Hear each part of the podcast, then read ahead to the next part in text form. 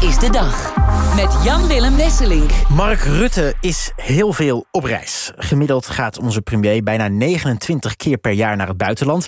En hier vertelt hij zelf over zijn reisschema van deze week. Uh, ben ik samen met mijn Deense collega met de Frederiks op bezoek in Namibië en Zuid-Afrika. Uh, en vervolgens zal ik met een Nederlandse delegatie verder reizen voor een bezoek aan Marokko. Uh, de grote vraagstukken van deze tijd kunnen we niet zelf oplossen. Morgen vertrekt premier Rutte dus naar Marokko... om het onder meer te hebben over migratie. En vorige week was hij nog in Tunesië. De vraag uh, die wij stellen is of Rutte niet te veel in het buitenland is. En dat ga ik bepraten met Laurens Dassen, fractievoorzitter van Volt... in de Tweede Kamer. En met Henk Kamp, oud-minister en natuurlijk ook VVD-kopstuk. Goedenavond allebei. Meneer... Um, Kamp, in de pers wordt uh, Rutte toch steeds vaker het oliemannetje van Europa genoemd. Is het goed dat hij die rol op zich neemt? Ja, wij profiteren echt van de positie van Rutte.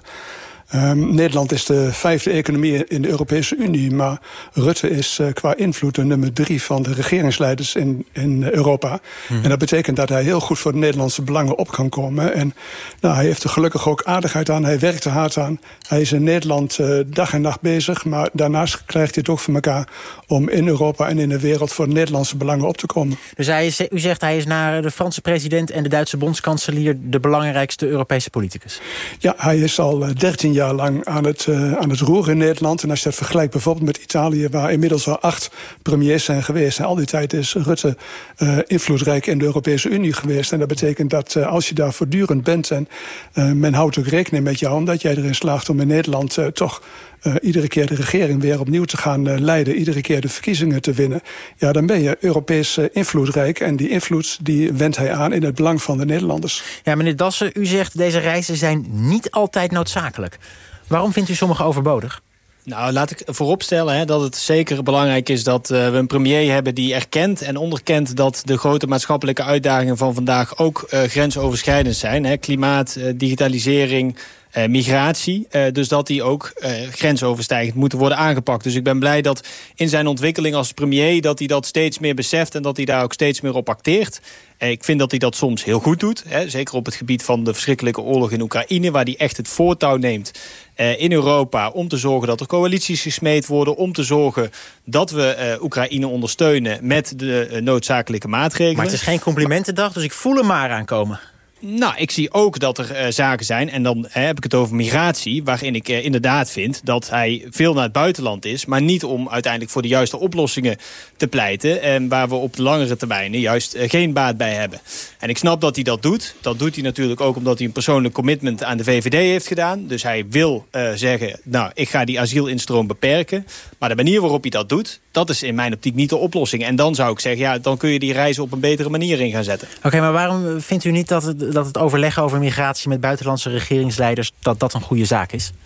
Laat ik vooropstellen, kijk, eh, ook migratie is een uh, Europees probleem, moet je Europees aanpakken. Maar dat moet je doen door een Europees migratiesysteem in te zetten... waar solidariteit centraal staat. Dan moet je zorgen dat er legale migratieroutes komen... zodat mensen weten uh, hoe ze naar Europa en of ze naar Europa kunnen komen.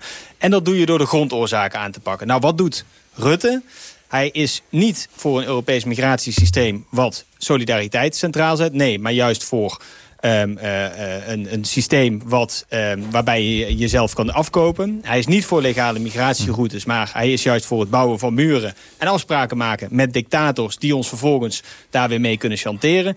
En hij pakt niet de grondoorzaken aan. Nee, want hij bezuinigt juist op ontwikkelingssamenwerking. Nou ja, dat is in mijn optiek precies het tegenovergestelde. En dan vind ik, dan zet je juist die jarenlange kennis en ervaring verkeerd in. Eén ding vind ik daaraan wel interessant, uh, meneer Kamp. En dat is met wie je in het buitenland uh, spreekt. Want moet je als Nederlandse premier met iedere buitenlandse leider een goed gesprek kunnen voeren? Dus ook bijvoorbeeld met een nou ja, dictator in Tunesië? Kijk, als het om migratie gaat, moeten er drie dingen tegelijk gebeuren. Nederlands beleid moet uh, veranderen. Er moet gesproken worden met de landen van herkomst... waar de mensen uh, vanuit afkomstig zijn die naar Europa trekken.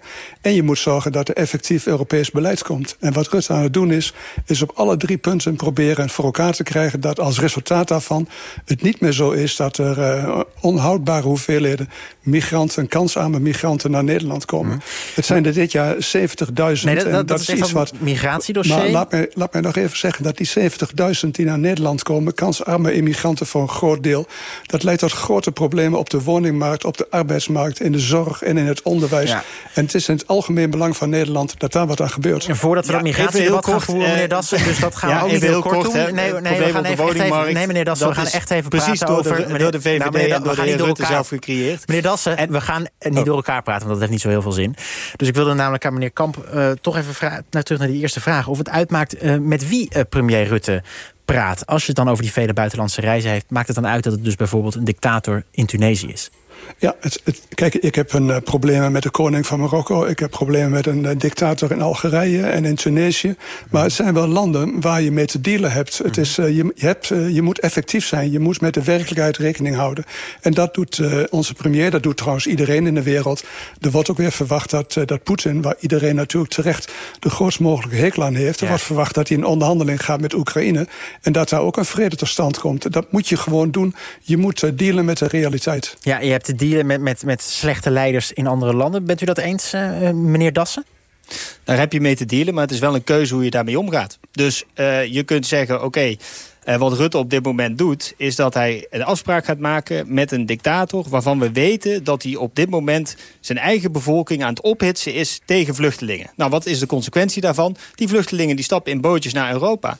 Dan is niet de oplossing door te zeggen... hou ze alsjeblieft daar, wij gaan jullie kustwacht financieren... want we weten dat er mensenrechten schendingen plaatsvinden. We weten dat mensen in grote nood alleen maar andere routes zullen vinden. Nog gevaarlijkere routes om Europa alsnog te kunnen gebruiken. En je maakt jezelf chantabel. En ik zeg, ja, dat is volgens mij niet een, een, een afhankelijkheid. Als je het hebt over grip op migratie... dan wil je niet afhankelijk zijn van een dictator in Tunesië. En dan vind ik het inderdaad zeer zorgwekkend dat uh, uh, onze premier daar op dit moment zo hard op inzet. Meneer Kamp? Ja, en dit standpunt van meneer Dassen, dat hoor je wel, uh, wel veel meer in Nederland. En het resultaat daarvan is dat ik al, ik heb het al gezegd... we krijgen veel en veel te veel kansarme immigranten. Ze komen hier voor meer dan de helft binnen acht jaar niet aan het werk.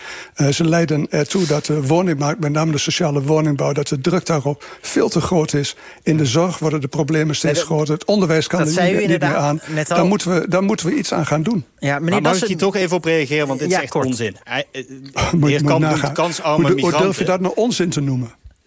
Meneer Dassen, u, U zit in hebt de, het over kansarme migranten. wordt van u, nee, als u u even verwacht. luistert, dat zou wel chic zijn. Meneer Dassen? u heeft het over kansarme migranten. Het gaat vaak over vluchtelingen. Dat zijn mensen op de vlucht voor oorlog en geweld. Het inbeeldigingspercentage in Nederland is zo hoog... omdat die mensen recht hebben op asiel. Die mogen hier zijn. Dat is een internationale afspraak die wij met elkaar hebben. Dus als u dat de, eh, verlaagt tot kansarme migranten... dan klopt dat in mijn optiek niet. En dat is verkeerde informatie die u dan ook hier eh, zit te vertonen. Dan heeft u het over de woningmarkt.